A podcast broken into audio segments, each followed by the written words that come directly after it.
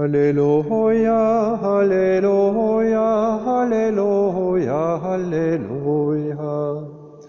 Halleluja, halleluja, halleluja, halleluja. Ik heb u uitgekozen en ik heb u de taak gegeven op tocht te gaan en vruchten voort te brengen die blijvend mogen zijn. Halleluja, halleluja, halleluja, halleluja. De Heer zij met u. En met geest. Uit het heilige evangelie van onze Heer Jezus Christus volgens Johannes. U. In die tijd zei Jezus tot zijn leerlingen, zoals de Vader mij heeft liefgehad, zo heb ook ik u liefgehad.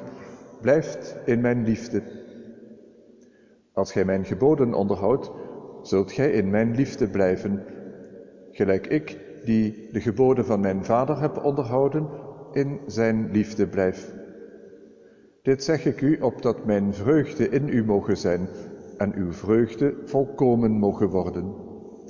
Dit is mijn gebod, dat gij elkaar lief hebt, zoals ik u heb lief gehad. Geen groter liefde kan iemand hebben dan deze, dat hij zijn leven geeft voor zijn vrienden.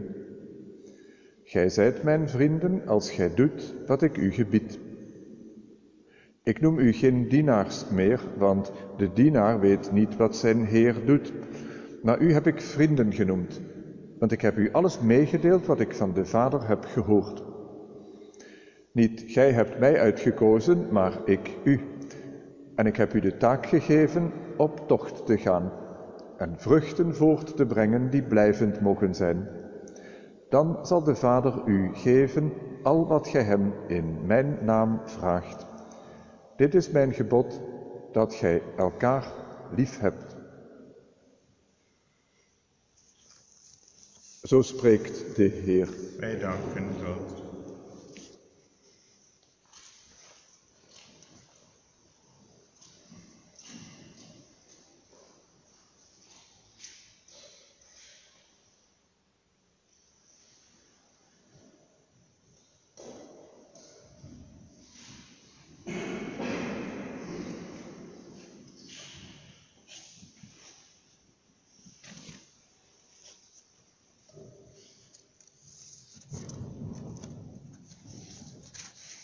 Dat is een moeilijk evangelie op deze feestdag van de heilige apostel Matthias. Alleen al dat allerlaatste zinnetje, dit is mijn gebod dat gij elkaar lief hebt, dat lijkt een tegenstelling te zijn van hier tot Tokio. Want je hebt geboden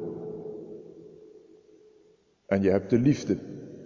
En wij allemaal weten, die liefde heeft juist te maken met vrijmoedigheid, met spontaniteit met wat je zelf voor voelt. Terwijl geboden hebben nou juist te maken met datgene wat je opgelegd wordt, wat van buitenaf moet, wat verplicht is. Deze week las ik een artikel waarin iemand schreef, dat virus kunnen we best ver weg houden, dat virus kunnen we best uitbannen, maar reken dan niet te veel op de goede wil van alle mensen in Nederland, eh, laat staan van alle mensen in de hele wereld. Nee, dat moet je dan doen door verboden en door geboden, zoals het ook vanaf die eerste weken gebeurd is. Blijf binnen, blijf thuis. Niet meer dan drie, niet meer dan dertig mensen. En wat zijn er allemaal al voor bepalingen geweest? Het moet je worden opgelegd en dan gaat het goed. Dat is iets heel anders dan die spontaniteit en die vrijheid die wij met ons begrip van de liefde verbinden. Je hebt je man, je vrouw gekozen omdat je vanuit je eigen hart voelde voor die persoon als voor geen ander.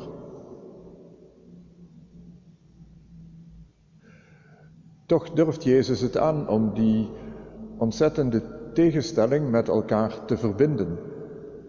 Jezus geeft ons dat heel nieuwe gebod van de liefde.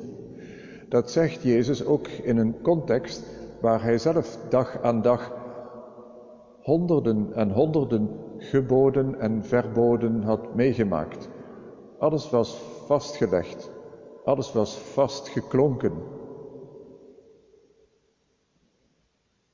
Maar de liefde was eruit verdwenen uit de religieuze beleving van die tijd.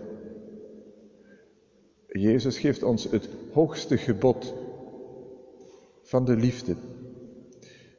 En dan gebod niet in de zin van geboden en verboden, maar in de zin van afspraak die God met ons maakt. Wanneer je mij wilt volgen, zegt Jezus letterlijk, volg mij dan in die afspraak, in dat gebod van de liefde. Laat de liefde tot God en de naaste alles in je leven inkleuren, alles bepalen. Er is nog een tegenstelling in de eerste lezing in dat verhaal over de keuze van die nieuwe twaalfde apostel, Matthias. Een tegenstelling namelijk doordat de apostelen bidden en dan het lot werpen en het lot valt op Matthias.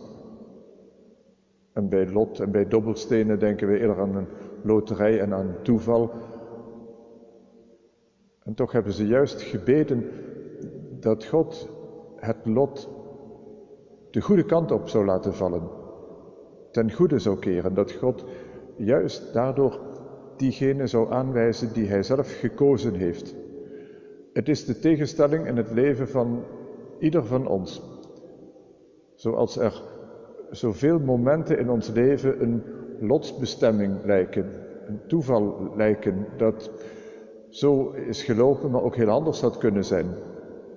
Het is niet eens zo simpel om Gods aanwezigheid bij al die toevallige dingen te kunnen zien, te kunnen ervaren.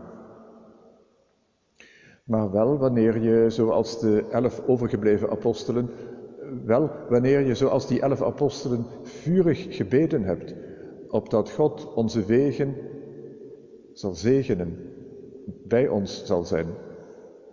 En dan wordt door het lot aangewezen, Matthias, over wie we eigenlijk niet eens zoveel weten. Er zijn wel legendes over hem dat hij na Pinksteren, net als de andere apostel, het geloof verkondigd heeft, maar dat hij daarbij heel ver weg getrokken is tot in Ethiopië toe, ehm, waar zich inderdaad een van de alleroudste kerkgemeenschappen bevond en trouwens nog bevindt. Een legende vertelt dat hij rond het jaar 63 door heidenen half dood gestenigd was en tenslotte door een bijl de martelaarsdood is gestorven. En daarom wordt hij vaak afgebeeld met een bijl. Er is nog iets bijzonders met die heilige Matthias, dat heb ik in de avondmis van woensdag al even genoemd, namelijk hij is de enige apostel die begraven is ten noorden van de Alpen.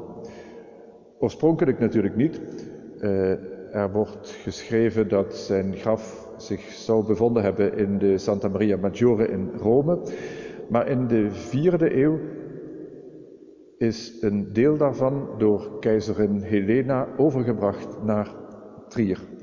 En daar bevindt het zich sinds het jaar 1127 in de basiliek van de Benedictijnerabdij Sint Matthias in Trier, waar u dus zomaar op bezoek kunt gaan en waar wij in 2012 met onze pelgrimsgroep ook eh, halt hebben gehouden op onze Camino naar Santiago. En zo is er dus ook een directe link met Baubach. Want u weet dat die keizerin Helena afgebeeld is in ons prachtige hoogaltaar, waarmee we de kruisreliek eren die in deze kerk aanwezig is.